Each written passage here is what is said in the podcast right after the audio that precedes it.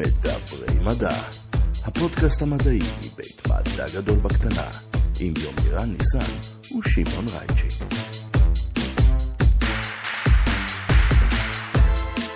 שלום וברוכים הבאים למדברים מדע, הפודקאסט מבית מדע גדול בקטנה. אה, מולי בזום, האיש והחוטים התת-אטומיים שקושרים אותי אליו, יומירן ניסן, מה העניינים? בסדר, אז זה השם החדש של הזקן שלי? כן, חוטים תת... אה, מיתרים תת-אטומיים, יש לומר. אה, בוא תציג את האורח המוכר לנו כבר. אז האורח שלנו היום זה פרופסור עדי הרמוני, אה, בשל עידן הזום החזרנו אותו שוב מביתו שבסוונסי בממלכה, והוא פרופסור באוניברסיטת סוונסי לפיזיקה תאורטית, והבאנו אותו פה לדבר על, הפעם על המחקר שלו. לשם שינוי, אחרי פרק אה, מדהים על אה, סקירת ההיסטוריה של תורת המיתרים, אנחנו צוללים הישר לתוך הכוח החזק, שלא ייתן לכם לזוז במהלך הפרק הזה מהכיסא, זה הזמן להתחיל לדבר מדע. עדי ארמוני, מה שלומך? הכוחות הפונדמנטליים של היקום הביאו אותך חזרה לפודקאסט שלנו. נכון, פעם שנייה. נכון, כוחות היקום וכוחות הסגר כן. בממלכה. ימירן, מה העניינים? אה, בסדר, אתה יודע, עוד יום. אתה נראה אה, נהדר עם אוזניו באמת. טווס מסביב לראש. נכון, אני חשבתי שזה יראה סקסי. כן. אז אה, אנחנו כבר הצגנו אותך בפ- בפעם הקודמת שהיית בפודקאסט, אבל אה, בוא תעשה לנו רק תזכורת קצרה, וגם תציג את הנושא שבמרכז השיחה שלנו היום. אז זהו, אז היום אני אדבר על הכוח החזק, שזה בעצם התחום שלי. אני מתעסק גם בכוח החזק וגם בתורת המיתרים, אבל גם כשאני מתעסק בתורת המיתרים, המוטיבציה זה הכוח החזק, והיום נראה מה הקשר. וזה הרקע שלי, אני עשיתי את הדוקטורט על הכוח החזק אה, באוניברסיטת תל אביב, אחרי זה הייתי בפוסט-דוקטורט במאיץ החלקיקים בז'נבה, ועכשיו אני באוניברסיטת סוונסי בווילס, ואני ממשיך במחקר על, אה, על אותם תחומים, על הכוח החזק והקשר שלו לתורת המיתרים. יש לי מאמרים שהם עוסקים בעיקר בכוח החזק, אבל גם כאלה שהם בתורת המיתרים. אז אה, אומנם דיברנו על הכוחות אה, בטבע בנגיעות, קצת בפרק עם אה, פרופסור אה, לם גרוס, אבל אה, לפני שנקפוץ ממש פנימה לתוך אה, הכוח החזק אה, ספציפית, בוא תן לנו איזושהי הקדמה על כוחות בכללי בטבע, מהם הכוחות הפיזיקליים ששולטים בטבע, למה מעניין אותך הכוח החזק, ואז ניכנס פנימה. מצוין. זה באמת שאלה, אחלה שאלה, מכיוון שיש ארבעה כוחות uh, בטבע שאנחנו מכירים. יש את הכוח האלקטרומגנטי שכולנו מכירים, זה, זה חשמל. 5G, 5G. מה? 5G. כן, בדיוק. אז כל העניין של חשמל, מגנטיות, זה אלקטרומגנטיות. זה כוח שהוא די מובן. זה כבר מהמאה ה-19 היה איש בשם מקסוול, שרשם משוואות, ודי מבינים איך הוא עובד. זה יחסית פשוט. יש את חוק קולון ואת אה, איך מגנטיות עובדת, וזה כוח מובן. כוח שני, שהוא גם מעניין, זה כוח הגרביטציה. ובהתחלה ניוטון תיאר אותו, ואחרי זה איינשטיין הוסיף לנו את תורת היחסות הכללית ושיפר את ההבנה שלנו בכוח הגרביטציה. כוח מאוד מעניין, עם המון תופעות אה, מפתיעות, כמו חורים שחורים, גלי גרביטציה. אה, אחלה תחום למחקר, לא התחום שלי. ואז יש שני כוחות גרעיניים, החזק והחלש. החלש הוא, אה, הזכרתי גם פעם קודמת, הוא קשור למשל לדעיכת בטא, להתפרקות, אה, להתפרק, התפרקויות אה, רדיואקטיביות. אה, ויש את הכוח החזק, שהוא אה, במובן מסוים הכי מסתורי, ואנחנו נראה היום למה. יש בו כל מיני תופעות שהן מאוד לא אה, אינטואיטיביות, ואפילו קצת מסתוריות. אני אזכיר את זה שזה כל כך מרתק וקשה, שנגיע לזה, יש בעיה שיש עליה פרס של מיליון דולר. מי שפותר אותה, בום, מקבל מיליון דולר. אז uh, שווה, שווה להתעמק בכוח החזק. כבר הבטיחו בפודקאסט הזה פרסי נובל על uh, תגליות, אז uh, אני בטוח ש, ש, שהתגלית הגדולה הבאה תצא מהמאזינים שלנו. אתה יודע, פרס נובל זה... יש משהו מוזר בפרס נובל, כי אתה לא יודע... יש ועדה שמחליטה, ו... וזה קצת... פרס, פרס נובל זה פרס נובל, זה... הם כל שנה מחליטים איך שבא להם. יש קצת פוליטיקה, נאמר כך. לא רק עניין של פוליטיקה, תראה, פרס זה, אתה יודע, זה גם עניין של דעות, ו... זה, פרס נובל זה לא, זה לא אלוהים נותן, זה קבוצה כן. של אנשים שכל שנה מתאספים, ולפי גם הטעם האישי שלהם, השפעות, באמת לחצים. והפרס ו... שאתה מדבר עליו זה פרס על פתרון בעיה קונקרטית. כן, כן, מישהו כבר שם את המיליון דולר, ומכון קליי בארצות הברית פרסם איזה בעיה, ואנחנו נדבר עליה בהמשך, ומי שפותר אותה זה בעיה שקשורה בכוח החזק, ומי שפותר אותה, מקבל מיליון דולר. יש את זה גם, אם אני זוכר נכון, אה, אה, עם כמה בעיות מתמטיות, שיש פרס אה, של מיליון דולר למי ש... שיצליח לפתור אותם. זה משהו בסגנון הזה? כן, כן, כן, אז זה אחת מהם. זה... איך זה נקרא? Millennium Prize. מה? Millennium Prize. זו אותה רשימה, זו אותה רשימה. זו אותה רשימה, זו אותה רשימה. אה. זה אחת הבעיות, ועליה נדבר היום. מעולה. אתה מוזמן להציג אותה, אני פה עם דף ועט, אולי אני אתן לזה ככה ניסיון. לא, נגיע אליה בהמשך, כי... אז בוא מההתחלה. יותר פשוטים. בוא נדבר אה, אה, על הכוחות. אז אה, כאמור, אלקטרומגנטיזם מובן, פחות או יותר. אה, גרביטציה, כל מה שקשור בהתעוותות היקום שלנו ובקיפולים שלו, מה שיוצר את כל המסלולים של הפלנטות וכו'. אה, ואז אנחנו מגיעים לקנה מידה הקטן, קטן, קטן, קטן של החלקיקים, ואנחנו פוגשים שם את הכוח החזק שהוא... אז זהו, אז בואו נראה מה זה הכוח החזק. אז בואו נתחיל טיפה מה, מההיסטוריה. שנות ה-60 הכירו אה, קבוצה של חלקיקים שראו שהם קשורים באיזשהו כוח שקראו לו הכוח החזק, נבין את מקור השם עוד מעט, ולחלקיקים האלה, לכל הקבוצה הזאת קוראים הדרונים. למשל, הפרוטון, שמרכיב את הגרעין של האטום, והנוטרון הם שניהם הדרונים. הם, למה? הם מקיימים פעולת גומלין חזקה ביניהם. מסתבר שיש איזה מאה חלקיקים כאלה, לא רק הפרוטון והנוטרון, יש עוד מאה חלקיקים כאלה, זה, זה פשוט עם כל מיני שמות מאוד מוזרים, פיונים, קאונים, כל מיני, וכבר בשנות ה-60 גילו שהם מתחלקים לשתי קבוצות, שקראו להם מזונים ובריונים. אז הפרוטון והנוטרון הם בריונים, ויש גם חלקיקים אחרים שהם מזונים, עוד מעט נראה מה ההבדל ביניהם מבחינה מיקרוסקופית. בשנות ה-60 לא ידעו, אה, לא הייתה הבנה טובה מבחינה מיקרוסקופית מה באמת מבדיל ביניהם. אני אגלה את, בעצם את התשובה, מה מבדיל ביניהם, כי היום יודעים שהם לא באמת חלקיקים יסודיים, הם בנויים מקוורקים. וקוורקים או שהם באים שלושה בבת אחת ויוצרים בריון, זאת אומרת שלושה קוורקים מתקבצים יחד, נקשרים זה לזה ויוצרים בריון, או קוורק ואנטי קוורק נקשרים יחד ויוצרים מזונים. אני זוכר שבאותה תקופה בעצם, אה, כשהמדע הזה, אה, כשנבנו מאיצי החלקיקים הראשונים, בעצם הייתה אה, היה קצב מאוד גבוה של תגליות של חלקיקים חדשים שלא ידעו לקטלג כל כך, ונכנסו לאיזשהו ברוך מבחינת אה, איך זה יכול להיות שיש לנו עכשיו מאות אה, חלקיקים חדשים שכל אחד מתנהג קצת אחרת, ובעצם נקטלג אותם ולהבין את המכנה המשותף, אה, זה משהו שהיה necessity. נכון, אז זה היה בהתחלה גן חיות כזה. בעצם היום מבינים שכל הגן חיות הזה, זה נובע מזה שיש מספר חלקיקים בסיסיים שנקראים קוורקים, וכל החלקיקים האחרים, המזונים והבריונים, זה כאלה קומבינציות של הקוורקים. אז זה כמו לגו כזה, שאתה יכול להרכיב המון דברים מכמה דברים בסיסיים, או אני יודע... אם או... נציגי לגו מקשיבים, אז uh, לגו, לגו קוורקים, uh, אנחנו חתומים על הרעיון.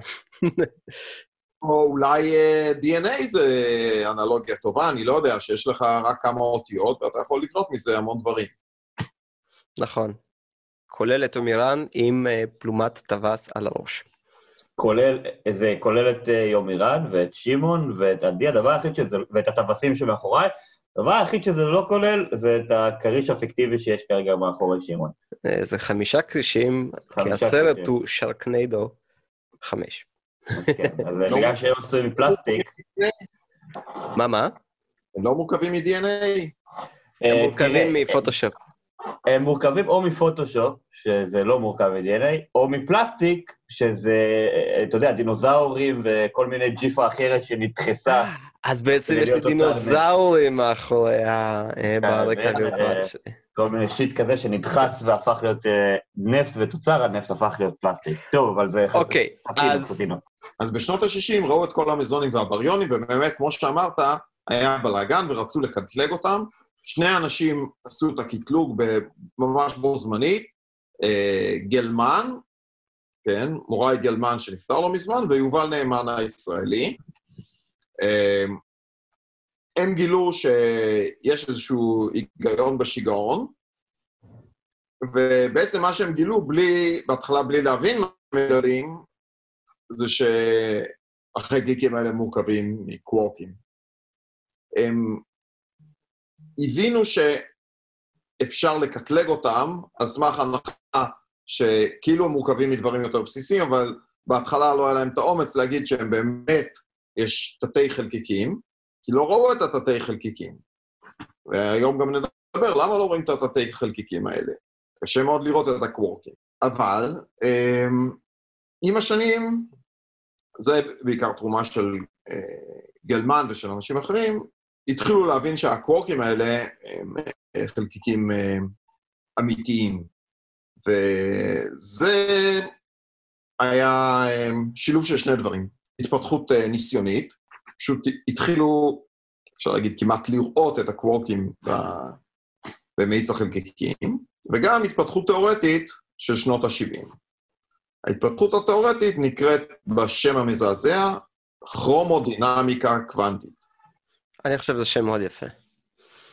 זה שם אה, מקסים, אבל אה, מפחיד, לא? כרומודינמיקה קוונטית. אה, נגענו בפודקאסט הזה בשמות הרבה יותר מפחידים. נכון. אוקיי. מה שזה אומר, היה לפני זה אלקטרודינמיקה קוונטית, שזה התורה הקוונטית של הכוחות האלקטרומגנטיים, וכרומודינמיקה קוונטית זה שם של, אה, של, ה, של הכוח החזק. זה אומר שהכוח החזק זה התורה הקוונטית של תורת הצבעים. הכוח החזק קוראים תורת הצבעים, עוד מעט נראה גם למה, אני צריך להסביר הרבה דברים היום. אז בואו נראה מה הסיפור באמת של הכוח אה, החזק ומהי כרומודינמיקה קוונטית. בתחילת שנות ה-70 הבינו שאפשר את כל כל כל הסיפור הזה לתאר בצורה יחסית פשוטה. פשוטה, אבל לא אינטואיטיבית. החלקיקים היסודיים באמת נקראים קוורקים, והם נמשכים אחד לשני בגלל הכוח החזק. והכוח החזק עושה משהו מאוד מאוד מוזר. דווקא כשהקוורקים קרובים אחד לשני, במרחקים קצרים, הכוח ביניהם חלש. ודווקא ככל שמנסים להרחיק אותם זה מזה, הכוח מתחזק. זה התכונה של הכוח החזק. דבר מאוד מוזר. דווקא במרחק אפסי ביניהם, הכוח מתאפס. וזה זכה לשם אסימפטוטיק פרידום, חופש אסימפטוטי, וזה גילו את זה קודם כל בצורה תיאורטית. עשו חישוב, והסיפור של החישוב הזה, אני יכול לספר לכם שעה מה היה עם החישוב הזה, כי היה שם כל מיני תחרות וכל מיני, אה, בין שתי קבוצות מחקר. זה נקרא חופש אסימפטוטי, קיבלו על זה פרס נובל. גרוס, פוליצר ווילצ'ק. שלושתם קיבלו אז פרס זה אומר נובל. שהחלקיקים האלה כל הזמן רוצים להיות באיזשהו מרחק אחד מהשני, אבל לא גדול מדי, כי ככל שהם מתרחקים, אז הכוח מושך אותם חזרה פנימה. כן, מצוין, בדיוק. אי אפשר ל... זה בדיוק הסיבה שלא ראו קוורקים וראו את המזונים והבריונים. אתה לוקח קוורק ועוד קוורק ומנסה להפריד אותם, זה מזה, ואתה רואה שככל שאתה מנסה להפריד אותם, הם, אתה לא יכול, הכוח הולך וגדל. פעולת הגומלין הולכת וגדלה. לא הכוח, אלא פעולת הגומלין. זה לא בדיוק אותו דבר. אתה צריך יותר ויותר ויותר אנרגיה אם אתה מנסה לשחרר אותם, אחד מהשני, אבל אתה לא יכול לשחרר אותם, הם כלואים.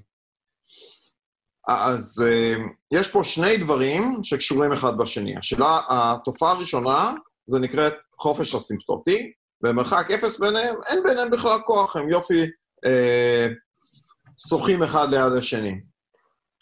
אבל אם אתה מנסה להפריד אותם, אתה רואה שפעולת הגומלין, או כוח, הולכת וגדלה, ואתה לא מצליח לשחרר אותם, אז הם תמיד מגיעים ב... ביחד. או קוורק אנטי קוורק, והם יוצרים מזון, או שלושה קוורקים, והם יוצרים בריון. זה שתי האפשרויות, זה מה שרואים בטבע, מזונים ובריונים. היום יש עדויות למבנים טיפה יותר מורכבים, אבל נעזוב את זה.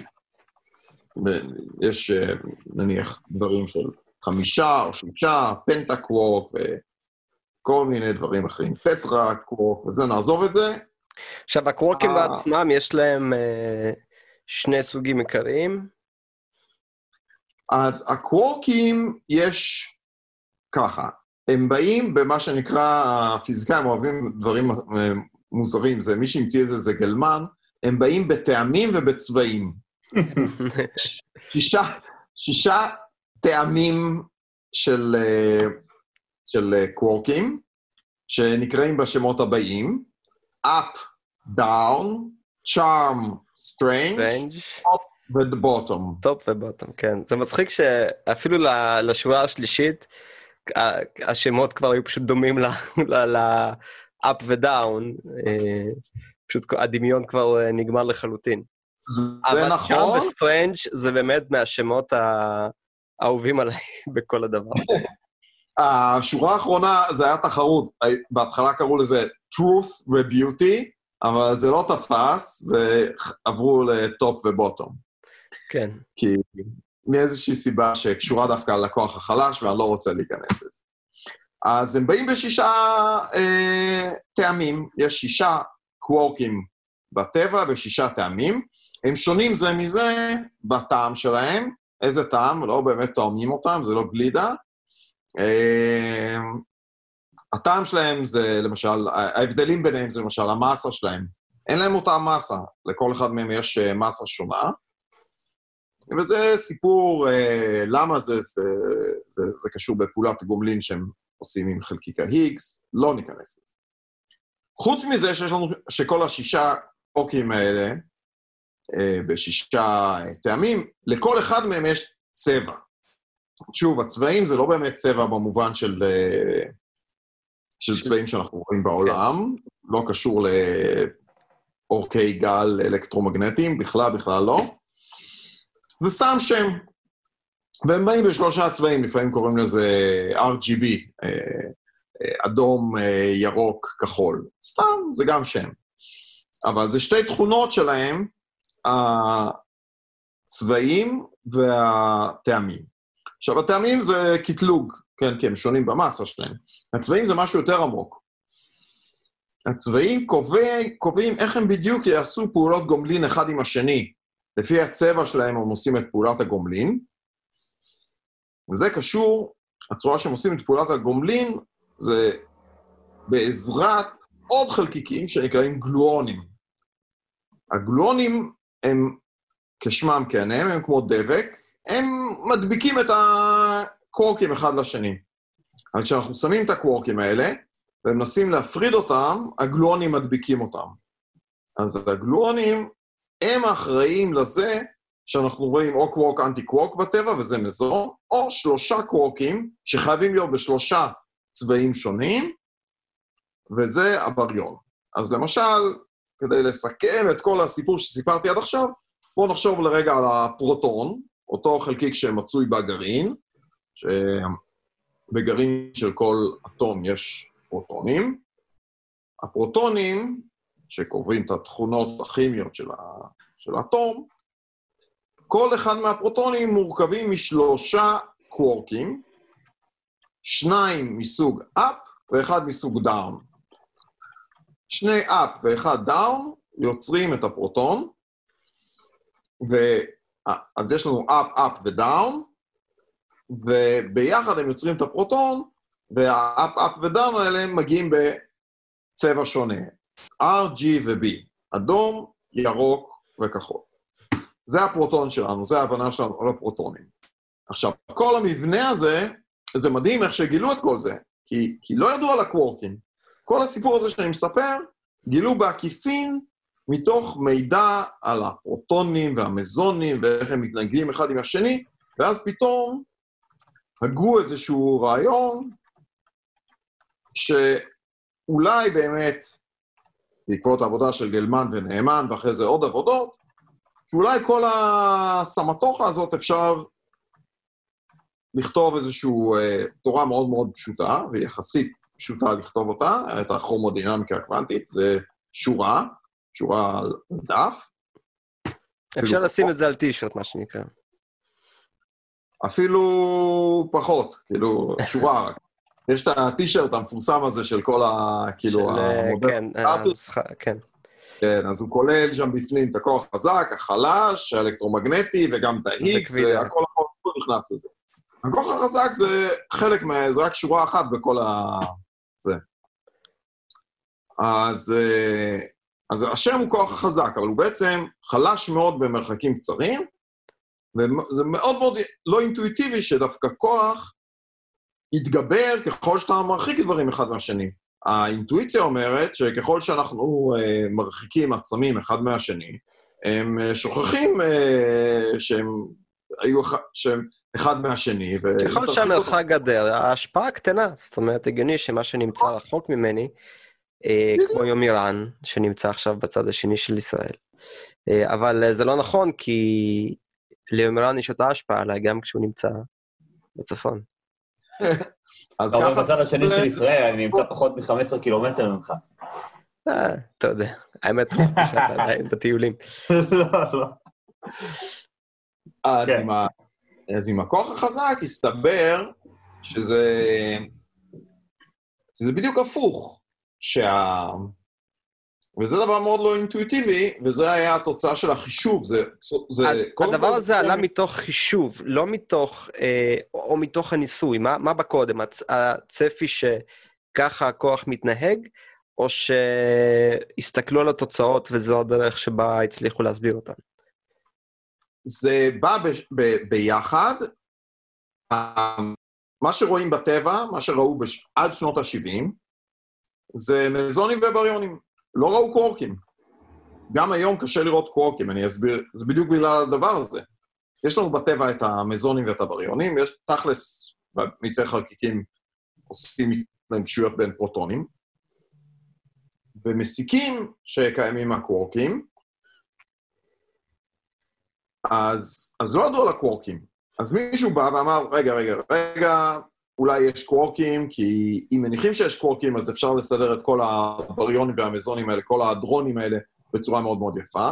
אחרי זה מישהו אמר, רגע, רגע, רגע, בואו נכתוב איזושהי תיאוריה של הקוורקים, איך, איך, איך אה, מתנהגים, ואז במסגרת התיאוריה הזאת עשו חישוב. וזה החישוב שנתן את הפרס נובל אה, גרוס, ווילצ'ק ופוליצר. מהמם. והתוצאה של החישוב הזה הייתה מדהימה, אף אחד לא ציפה לזה.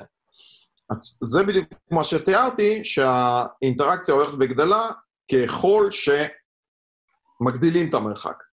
אף אחד בכלל לא חשב שזה אפשרי דבר כזה עד אותו, עד אותו זמן. זה נראה, אפילו, אפילו היה איזה אה, אה, מאמר שכביכול הוכיח שזה בלתי אפשרי.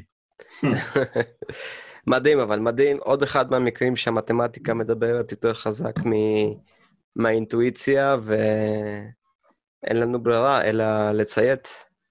נכון, וזה ממש יצא יפה, כי מה הם עשו? הם, אה, זה לא רק שהם אה, אמרו שהאינטראקציה או הכוח הולך וגדל ככל שמגדילים את המרחק בין הקוורקים, הם תיארו את זה בנוסחה. זאת אומרת, זה ממש משהו עם אה, איך, איך זה מתנהג עם המרחק, ו, ו, והכול אפשר לבדוק אחרי זה בניסיון. אפשר ב, מתוך ההתנגשויות האלה שעושים בין חלקיקים,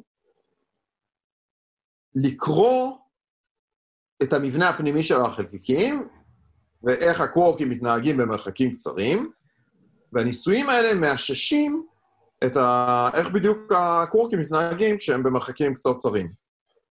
תגיד, ו... החישובים האלה הם סביב uh, תורת השדות, סביב uh, משוואות גל כן, של חלקיקים?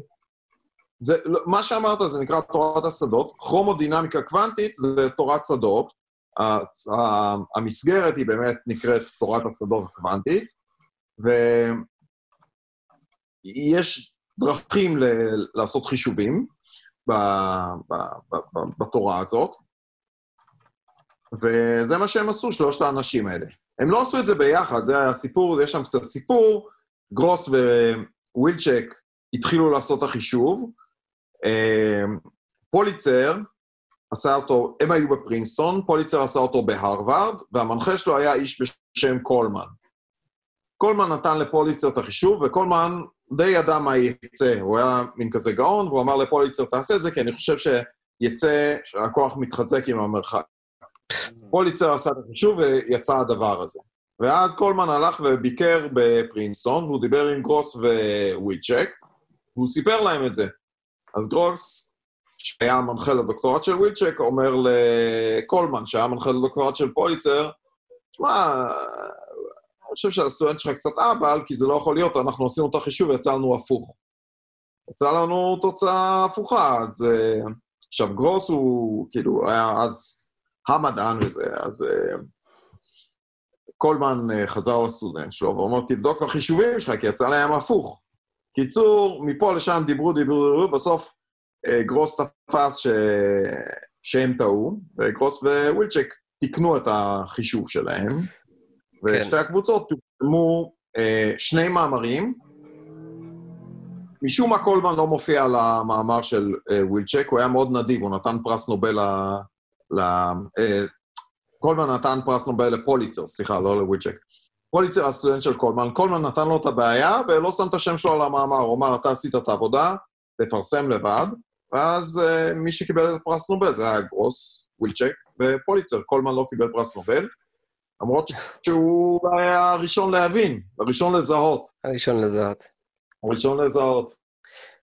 אוקיי, אז בואו נצלול חזרה לתוך uh, עולמם של הקוורקים. אה, שמגלים את אותה התנהגות אה, מוזרה. אוקיי, אנחנו יודעים שיש כוח שהולך ומתגבר ככל שהמרחק גדל, מה הלאה? אז מה הלאה? אז אה, בואו אולי, זה המקום ל, ל, לחזור ל, לעניין של תורת המיתרים.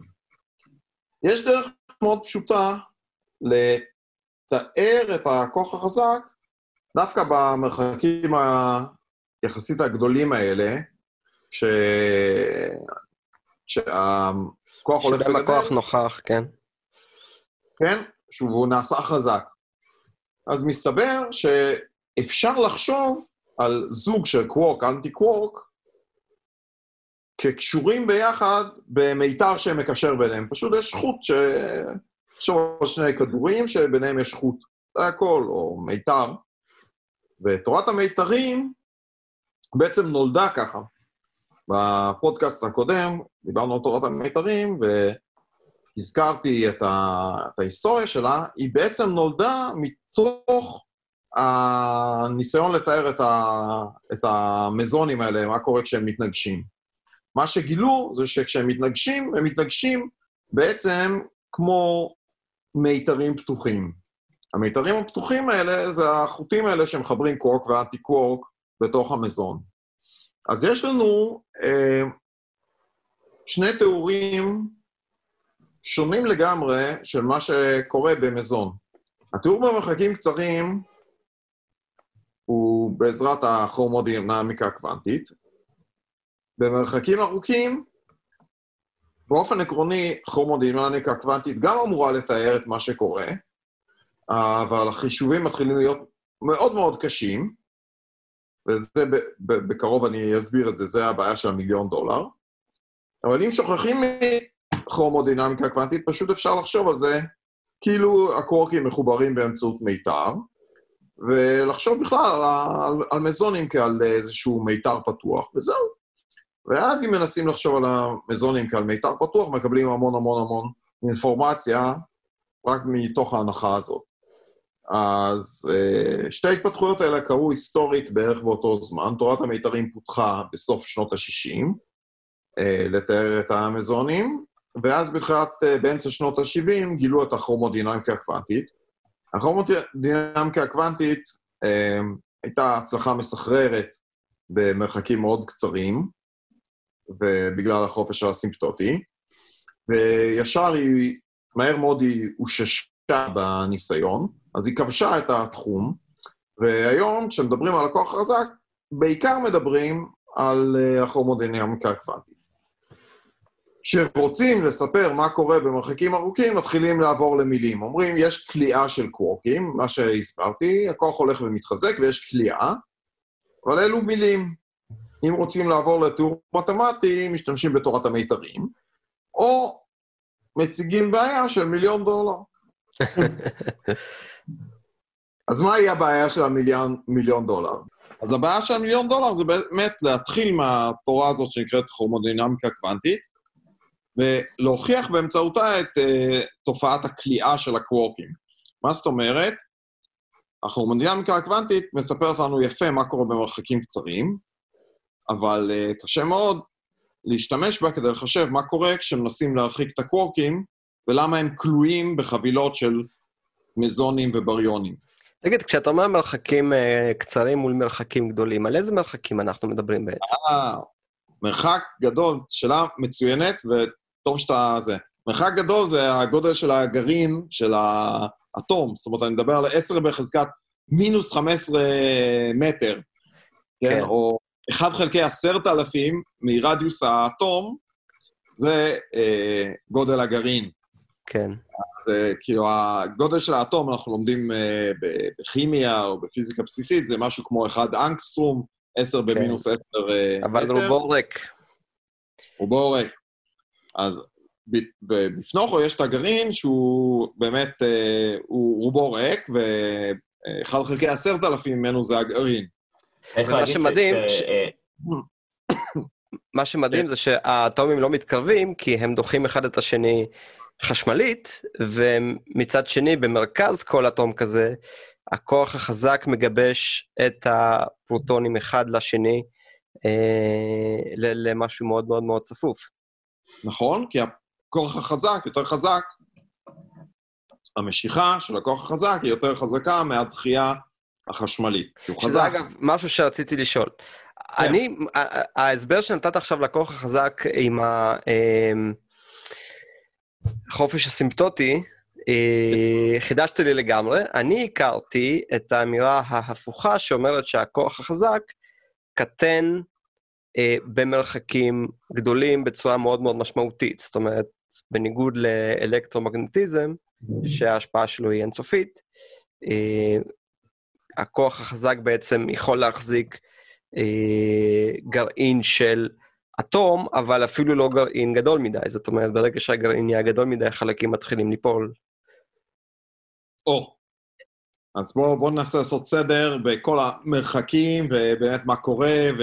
כי זה נהיה קצת סלט. אז בואו ננסה לעשות סדר. סלט אטומי. סלט אטומי נהיה. כן. אז ככה, גודל של הגרעין נקרא 1 פרמי. זה, זה הגודל האופייני, זה 10 ב... 1 חלקי 10,000 מגודל האטום.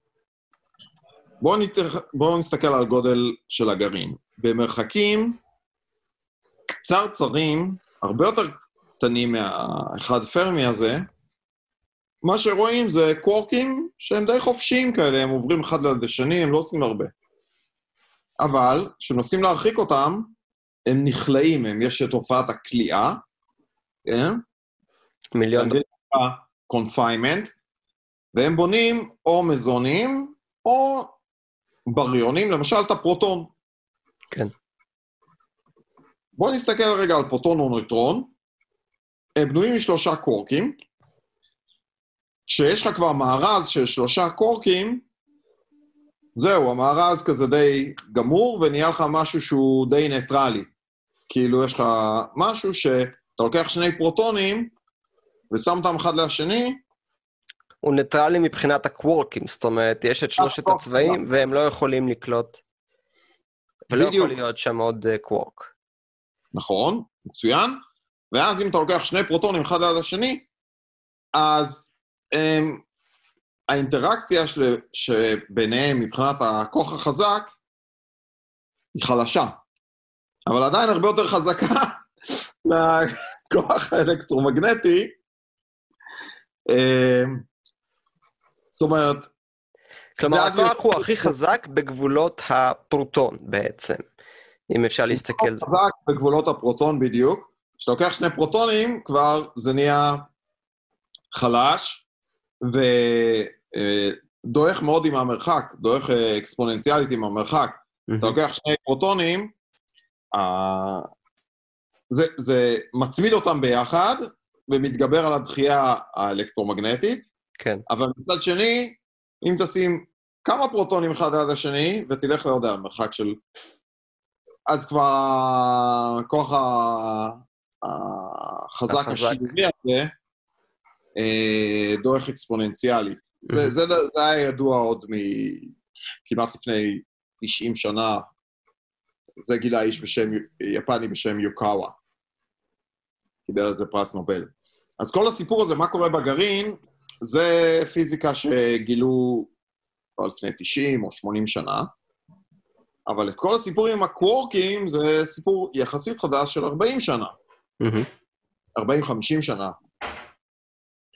אז יש פה כמה סקלות של, כל פעם, אתה יודע, כמו מיקרוסקופ, כל פעם שנכנס יותר עמוק, אתה מקבל, אה, מגלה תופעות אה, חדשות. כן. אז דיברת על אה, אה, שאלת מ- מיליון הדולר בעצם, והתחלת מהבדלי הכוחות אה, במרחקים השונים בתוך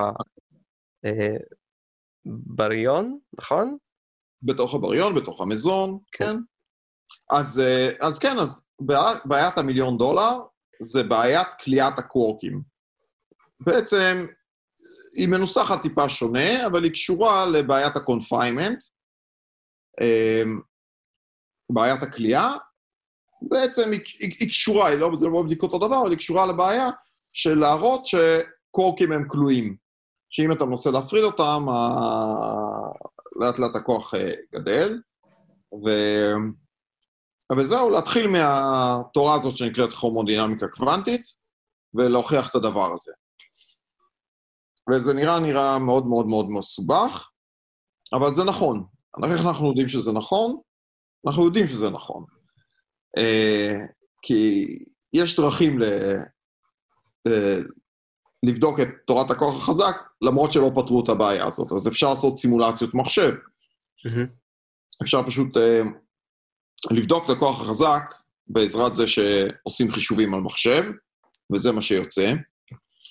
אה, שמים קוורקים כזה על ה... מניחים עולם רק עם קוורקים, ומכניסים למחשב את חוקי המשחק, ויוצא לנו הפרוטונים והמזונים, כולל התכונות שלהם, המסות שלהם, וזה מאוד מאוד אה, יפה. איך שזה יוצא מ- מהכללי משחק הבסיסיים. המחשב אה, מוציא לנו את המספרים הנכונים, את, ה, את התכונות של, ה, של מה שרואים בעולם. אז זה דבר אחד שיודעים לעשות.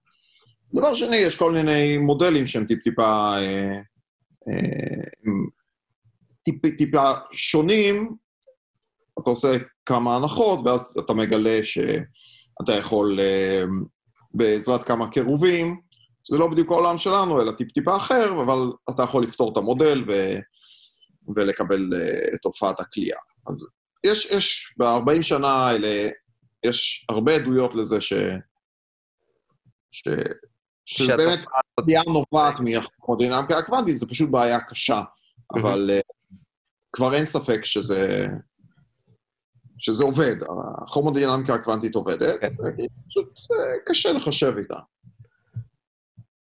אוקיי, ומכאן איך אנחנו ממשיכים אה, אה, למה שמרן רצה לשאול לגבי אה, המעבר מזה לתורת המיתרים? או. אז בואו נראה מה הקשר לתורת המיתרים. תורת המיתרים דיברתי בפודקאסט הקודם, והזכרתי גם הפעם שאפשר לחשוב על מזונים כעל uh, קוורקים שביניהם מתוחים מיתרים קטנטנים. וכשהם נותנים להם מזונים להתנגש, מסתכלים במאיץ החלקיקים, איך הם מתנגשים, רואים בעצם שמתנהגים כאילו הם מורכבים ממיתרים פתוחים. אז זה היה אישוש שיש איזשהו קשר בין הכוח החזק לתורת המיתרים. זה היה...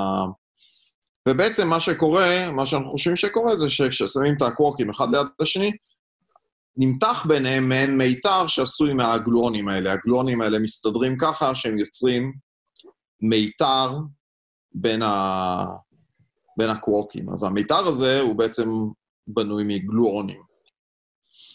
ו...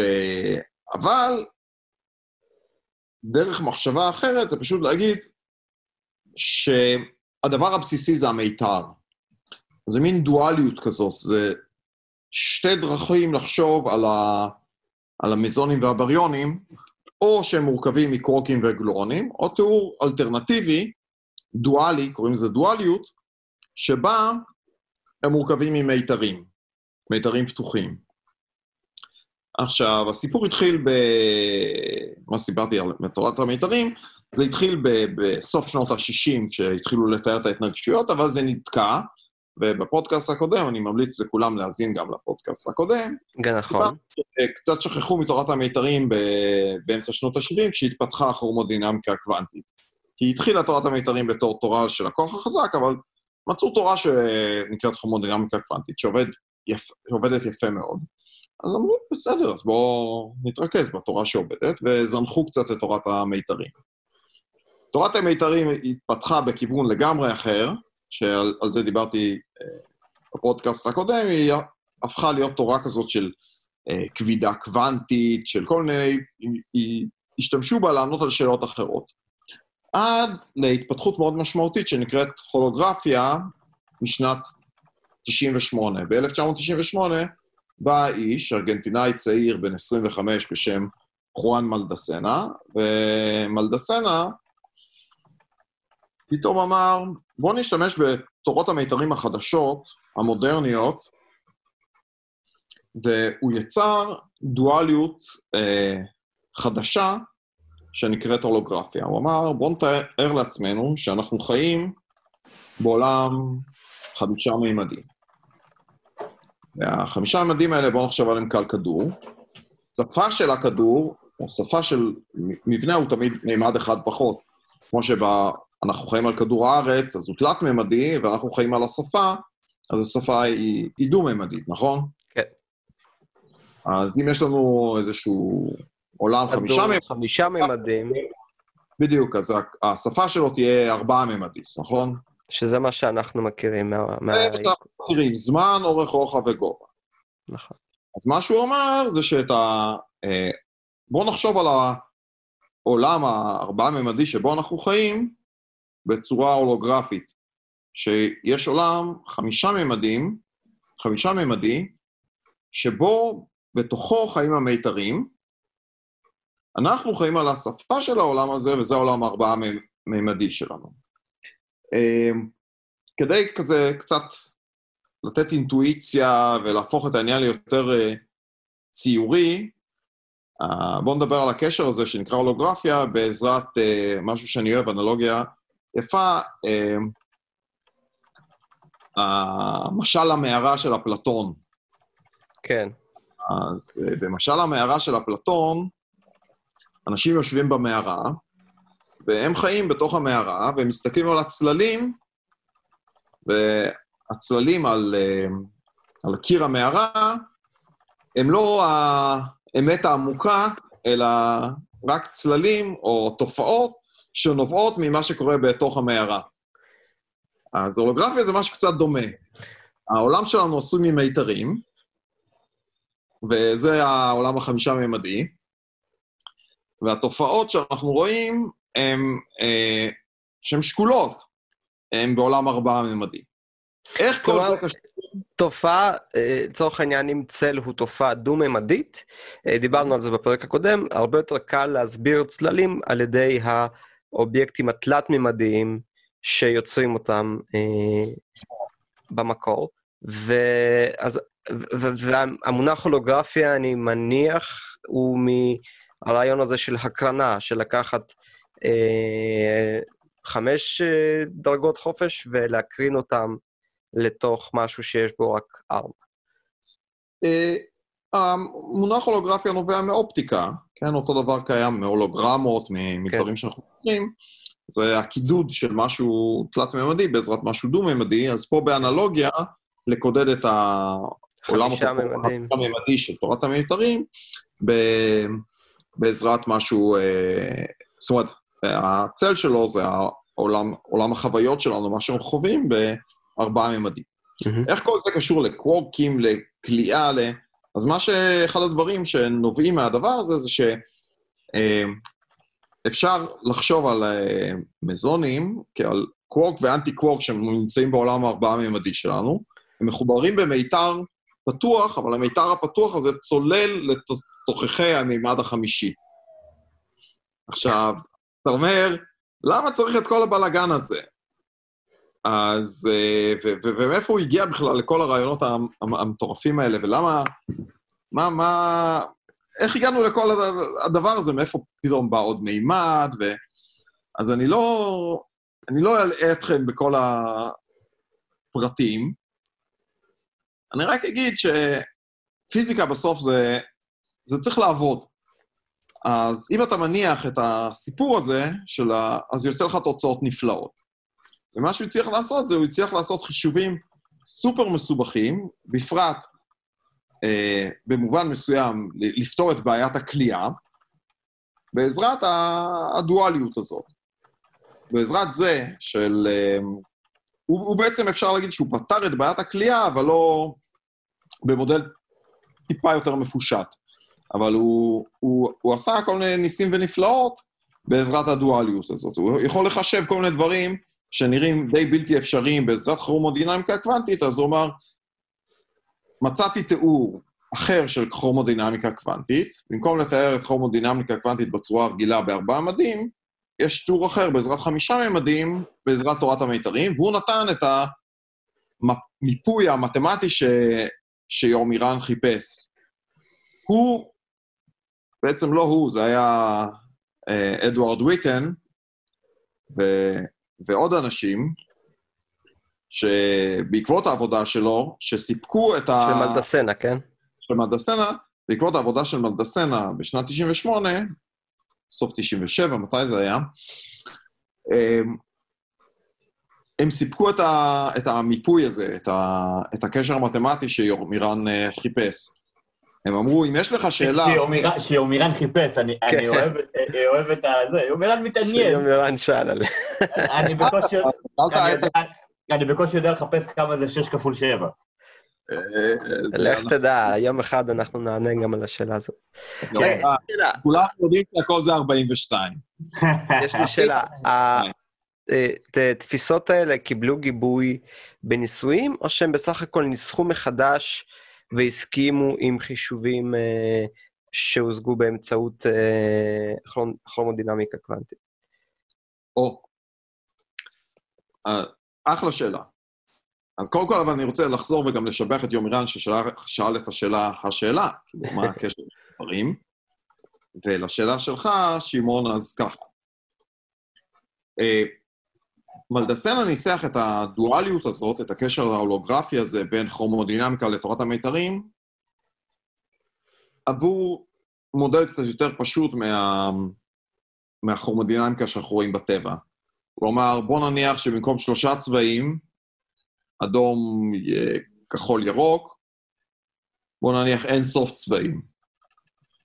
נראה לך שלהוסיף אין סוף צבעים זה מסבך את העניינים. דווקא... אין סוף הוא אחד וצבעים יש שלושה. אז דווקא בסיפור הזה, אם אתה מניח אין סוף צבעים, יוצא יותר פשוט. כי המון סיבוכים בכוח החזק נובעים מזה שהם פרופורציוניים לאחד חלקי מספר הצבעים. אז 1 חלקי 3 זה שליש. 1 חלקי אין, אינסוף זה 0.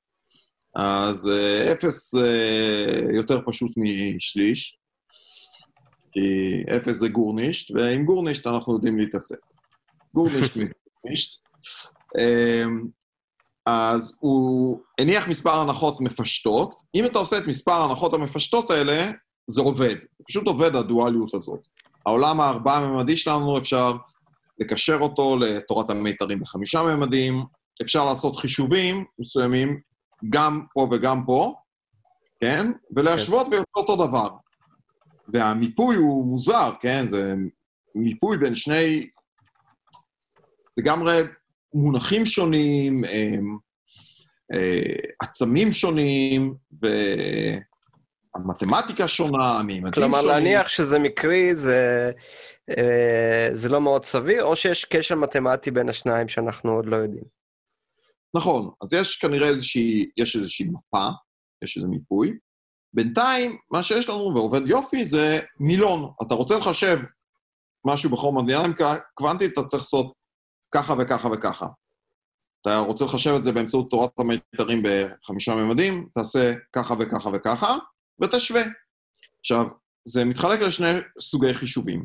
יש את החישובים, או שלושה נניח, אה, שלושה סוגי חישובים. יש דברים שאתה יכול לעשות בשני הצדדים ולהשוות, ואז יוצא בול אותו דבר. אז זה נותן אישוש לדברים. יש חישובים שקל יותר לעשות בעזרת כרומודינמיקה קוונטית ולבדוק, זה יהיה ניבוי למה צריך לצאת בתורת המיתרים. יש דברים שקל לעשות בתורת המיתרים, וזה נותן אה, ניבוי לכרומודינמיקה קוונטית. אחת הבעיות זה בעיית הכלייה. קל מאוד לפתור אותה בעזרת תורת המיתרים, שזה אינטואיטיבי, יש מיתר שמתוח בין הקורקים וקולע אותם. וזה נותן כמה אה, תחזיות, ואותם קשה לבדוק בכרומודינמיקה קוונטית, אבל אפשר בעזרת מחשבים, אה, בעזרת סימולציות, בעזרת אה, כל מיני טכניקות להשוות, וזה עובד. פשוט עובד.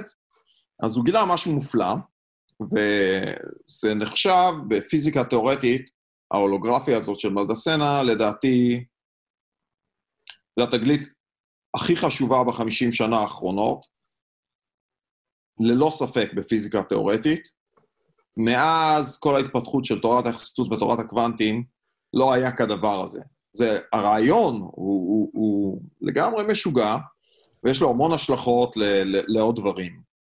Uh, הוא יוצר קשר בין תופעות שנראות שונות לחלוטין. כרומודינמיקה קוונטית, אם אתה רוצה לבדוק מה קורה לה בטמפרטורות גבוהות, אתה צריך להתעסק תורת מימדים בחמישה מימדים עם חורים שחורים. מסתבר שחורים שחורים איכשהו קשורים לטמפרטורות גבוהות. זה הבאסה עם חורים שחורים, דוחפים את עצמם לכל חור. לא, אבל יש דברים שאפשר, שהם דווקא קלים לחישוב בחורים שחורים, דווקא, והם נותנים uh, חישובים, uh, נותנים תחזיות מאוד uh, מעניינות על מה קורה בכרומודינמיקה קוונטית. וגילו כל מיני דברים uh, מאוד מפתיעים בעזרת המיפוי הזה. ש, שחלק מהם גם קשורים לתופעות שרואים בניסיון, אז כבר אפשר להגיד שיש לזה לא אישוש לרעיון הזה מבחינה ניסיונית, אבל תמיכה. כן. אז, אז זה בעצם ה... זה, זה ההתפתחות הכי מסעירה, מסעירה, מסעירה, אה, בתחום התור, תורת המיתרים, הכוח החזק ובכלל בפיזיקה תיאורטית. ו, וזה חלק ניכר ממה שאני עושה, אה, ההולוגרפיה הזאת. זו הזדמנות להגיד שאתמול, אתמול אה, פרסמתי את מאמר מספר 75 שלי בחיים, והוא עסק, והוא עוסק בהולוגרפיה. רק בשביל לסבר את האוזן לאנשים, כאילו, אתה מדבר על, כאילו, לפרסם 75 מאמרים שהיית שותף להם מבחינה מחקרית, זה מטורף. כאילו, יש אנשים שלא יגיעו ב- לזה בלייפטיים. נכון, בתחום של עדי אני רק אגיד, כאילו, יותר קל לפרסם כמות גדולה של מאמרים מאשר, מאשר נגיד בביולוגיה נשואית, שכל ניסוי לוקח לך שלוש שנים. ו... אבל בגלל זה גם עדי צוחק כרגע, כי הוא, אה, הוא אמר, אני אה, עזבתי את העולם הניסויי בתואר הראשון בערך, אמ, אבל זה, זה הישג, פנטסטי, באמת, כאילו, אנשים לא נראה לי, רק בשביל לסבר למאזינים שלנו את האוזן, בהחלט מדובר ב... בדבר תגיד, מאוד אני- מאוד מרשים. אז אם ככה, אנחנו- אם כבר uh, קצת מדברים על, uh, על התחום ועל uh, פרסומים, מה שאתה אומר זה נכון ולא נכון. למה, למה יותר קל לחשוב על רעיון, לעשות חישובים ולפרסם, אבל זה גם יותר קשה. באיזה מובן זה יותר קשה? לא, המאמרים שאני כותב, אני כותב בדרך כלל או לבד, או עם עוד בן אדם, או עם עוד שני אנשים. אנחנו עושים ביחד חישובים, עובדים על זה. הזמן יכול להיות בין חודש לשנה, זה הזמן האופייני, ואנחנו מפרסמים מאמר. בתחומים ניסיוניים, הרבה פעמים קורה שיש מעבדה, וכולם כזה חוגגים על המאמר. יש חמישה אנשים, עשרה אנשים על המאמר, אה, הפרופסור עצמו הוא מין מנהל כזה שלא עושה הרבה, הוא שם את השם שלו על המאמר. נכון. אה, אני, אני לא עושה את הדברים האלה. אני, כל המאמרים שלי, אני שותף, אני, אני פשוט לא נהנה מזה. לא מעניין אותי לכתוב uh, מאמר ש... וסתם לשים את השם שלי שלא לא תרמתי. Uh, אני גם uh, נותן לתלמידים שלי, לדוקטורנטים שלי, לעבוד על מאמרים, ואני, הם מפרסמים בלי השם שלי, אם הם עשו את uh, עיקר העבודה, גם אם הרעיון היה שלי, כי שיהיה להם לבריאות. אה, אז כן, זה יותר אולי קל לפרסם בתחום שלי מהבחינה ש... אה, אין פתאום, אה, אתה יודע, איזה קורונה שדופק את המעבדה, ואז אתה לא יכול לעשות אה, שום דבר במשך חודשים. אז זה לא קיים, הקורונה לא משפיעה על המחקר שלי, היא אולי משפיעה אה, לחיוב, כמו שהקוורקים כלואים ב, אה, במזונים, אני כלוא עכשיו בבית, אז אה, חוץ מלבשל לילדים, אני גם, אה, יש לי זמן אה, לעשות מחקר, אני לא צריך ללמד, אין לי סטודנטים, אז אולי יש לי יותר זמן. אני חייב לשאול, כי אנחנו אה, איכשהו אה, שוב קפצנו שעה. זו, אותה שעה שבה התחלנו, רק אה, ספרת השעות אה, התקדמה באחד. מהן השאלות הפתוחות? זאת אומרת, לאן, פניך, גם עם העבודות הבאות שלך, וגם מה, השאלות הפתוחות הגדולות שמנסים לענות עליהן כרגע? אז השאלות הגדולות בתחום של הכוח החזק, הן כולן סובבות סביב תופעת הכליאה, אבל לא רק. בעצם השאלה, השאלות הכי מעניינות והכי קשות קשורות במה שנקרא מרחקים ארוכים. כלומר, כשמתחילים להפריד את הקוורקים, ומתחילים להת, להתהוות ביניהם המיתרים האלה, ומתחילים לשאול כל מיני שאלות, לא רק איך הם נכלאים, אלא יש עוד תופעות אחרות ומאוד מעניינות שקורות כשמתחילים להפריד את הקוורקים. אה, ו- וורקים יכולים בכלל להופיע לבד, או שהם תמיד מופיעים עם, ה... עם שלושת הצבעים? הם מופיעים במארזים של קוורק אנטי קוורק או שלושה. אה, קיימת טענה שאם תחמם, תעלה את הקוורקים, את, ה, את המעבדה שלך, לא את הקוורקים, לטמפרטורה עצומה, אז הסיפור ניתח, ואז הקוורקים פתאום הופכים להיות חופשיים. המיתר מתמוסס, והקוורקים הופכים פתאום להיות חופשיים. התופעה הזאת נקראת, אה, אני לא יודע איך להגיד את זה באנגלית, אם כליאה זה confinement, זה נקרא de-confinement. אז זה מין התחה כזאת שהיא ההיפוך של אי, אי כליאה, נכון? de-confinement זה בטח אי כן. כליאה. נכון? אז משהו אה, כזה. נשמע כמו ניסוי טוב לעשות בחודש אוגוסט פה בארץ. אני די בטוח ש... אבל אנחנו נמתחים אה, ספונטנית כזה. אז את זה אפשר להשיג בתנאים של אנרגיות גבוהות במאיץ. זה כנראה קיים בתוך אה, כוכבים, אה, אבל אה, זה, לפעמים זה נקרא פלזמה של קוורקים וגלואונים, יש לזה שם, קוורק גלואון פלזמה, וזה נושא למחקר אה, עכשווי. זה בראשית היקום בטמפרטורות מאוד גבוהות, זה גם קרה. חשבתי שתגיד אה, שזה נושא לפודקאסט נוסף, שאתה יודע, כאילו... אנחנו, אנחנו לא נתנגד, בוא נגיד. אם אני לא אגיד, אז אתה תגיד. ברור. כן. אני יכול לספר על מה, מה עוסקים, מה, מה השאלות הפתוחות, אבל אני, אני אספר מה אנשים, בכל זאת, במשפט או שניים, מה אנשים, על מה הם עובדים. אז, אז, אז זה למשל דבר אחד, מה קורה בטמפרטורות גבוהות, אה, זה נושא אחד. אה, אני אומר, השאלות הכי מעניינות זה תופעות הכליאה, ואז כדי ל- לחשוב על הבעיה הזאת, מנסים לפשט אותה. אז הולכים לכיוון של אינסוף צבעים שהזכרתי. הולכים לכיוון אחר, שנקרא סופר סימטריה, שזה בכלל לא, לא, לא הזכרתי את זה, אבל יש משהו שנקרא סופר סימטריה, ואם מניחים אותו אז דברים נעשים פשוטים. דבר אחר שאפשר לעשות זה שהכוח החזק מתנהג הרבה יותר פשוט אם הולכים למימדים טיפה יותר נמוכים. אנחנו רואים בארבעה מימדים, שלושה מימדי מרחב ומרחב זמן, ומימד זמן. אם נניח הולכים מימד אחד של מרחב ואחד של זמן, הכל נעשה סופר פשוט. Uh, על זה היה הדוקטורט שלי.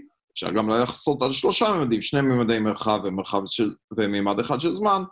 זה יותר קשה, אבל יותר קל מארבעה מימדים, וזה עסק המאמר שלי מלפני, שפרסמתי אתמול. אז יש uh, המון כיוונים של, בפיזיקה התיאורטית של הכוח החזק, ואנשים uh, מדהימים uh, חושבים על הבעיות האלה, והפתרונות הם גם... Uh, יש רעיונות מאוד מאוד, מאוד יפים בתחום הזה. ואנשים מאוד מאוד מבריקים, וזה מאוד uh, כיף לעבוד על זה, בגלל uh, גם הבעיות וגם האנשים. זה פשוט uh, תענוג לעבוד עם, ה, עם אנשים חכמים שכאלה. זה מדהים לשמוע שיש אנשים מבריקים בתחום שנראה לי רק הרמת כניסה שלו, האנטרי לבל, הוא, הוא מדהים והוא לא אינטואיטיבי, ו, וכל פעם שאנחנו מדברים על, על תחומי הפיזיקה האלה, הקוורקים שלי באופן אישי מתחילים לרתוח, והמוח שלי אה, הופך לעיסה אה, אחת לוהטת של, אה, של פריימוריאל אוז. איך אומרים בעברית? של, של מרק קדמוני. כן, מרק קדמוני. אז כן. תמיד כש, כשאני שומע אנשים כאלה, אגב, בהמשך למה שאמרתי, צריך לזכור שעדי פרסם כל כך הרבה מאמרים, באמת בתחום שהאנטרי לבל שלו הוא, הוא הקשה ביותר בעולם המדע כנראה, הוא תחרותי בצורה בלתי נתפסת, והוא בסופו של דבר התחום שכאילו של, של המדענים המפורסמים ביותר בהיסטוריה. זאת אומרת, כי אתה יודע, כמו איינשטיין, כן. וכמו אחרים שדיברנו עליהם פה בפרקים האלה עם, של וויטן ונציאני וכל החברים האלה, של באמת העילויים שבעילויים, ותמיד מדהים לשמוע לאיפה המדע הזה הולך ולאיפה הרמת חשיבה האנושית מסוגלת לקחת אותנו, כי הם בעצם האנשים ש, שעוסקים, בעיניי לפחות, גם כמדען, בסודות המורכבים והקשים ביותר שיש ביקום. מה שנקרא, מפ... זה, זה לא יודע אפילו איך להגיד את זה, גופים בטבע שמנסים לפענח את הקוד של הטבע, לא רק הקוד של החיים, אלא ממש את הקוד של הטבע. ובעיניי, באופן אישי, זה פשוט פסיכי, בגלל זה גם, זה, זה מסוג הפרקים שאני כאילו מוריד את הרמות דיבור של, הטיפ, של, של החוסר ידע האישי שלי, ופשוט נותן למרואיינים uh, פשוט לדבר, כי זה מבחינתי, זה פשוט uh, עונג uh, שהם נותנים לנו את האפשרות לנבור בתוך, ה, בתוך הידע שלהם. כן, ולשאול את השאלות ש... כן, כש... כשניגשים לחומר הזה מבחוץ, תמיד, תמיד עולות כל כך הרבה שאלות, וסוף סוף יש מי לשאול. Uh, פרופסור עדי אלמוני, אני ממש רוצה להודות לך על uh, באמת פרק נפלא. Uh, רק עשה תיאבון לעוד, uh, אני מניח שזה רק עניין של זמן, אנחנו כרגע בהצפה של אורחים נהדרים, uh, אבל... נכון. Uh, תודה לך שהצטרפת אלינו בזום, uh, כל התקשורת הזאת לא פשוטה, אבל אנחנו כאן, אנחנו הפודקאסט הרשמי של מדע גדול בקטנה, מדברים מדע שמנו. יומירן ניסן, תודה גם לך.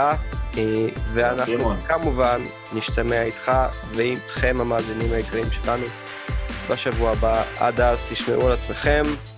יאללה ביי.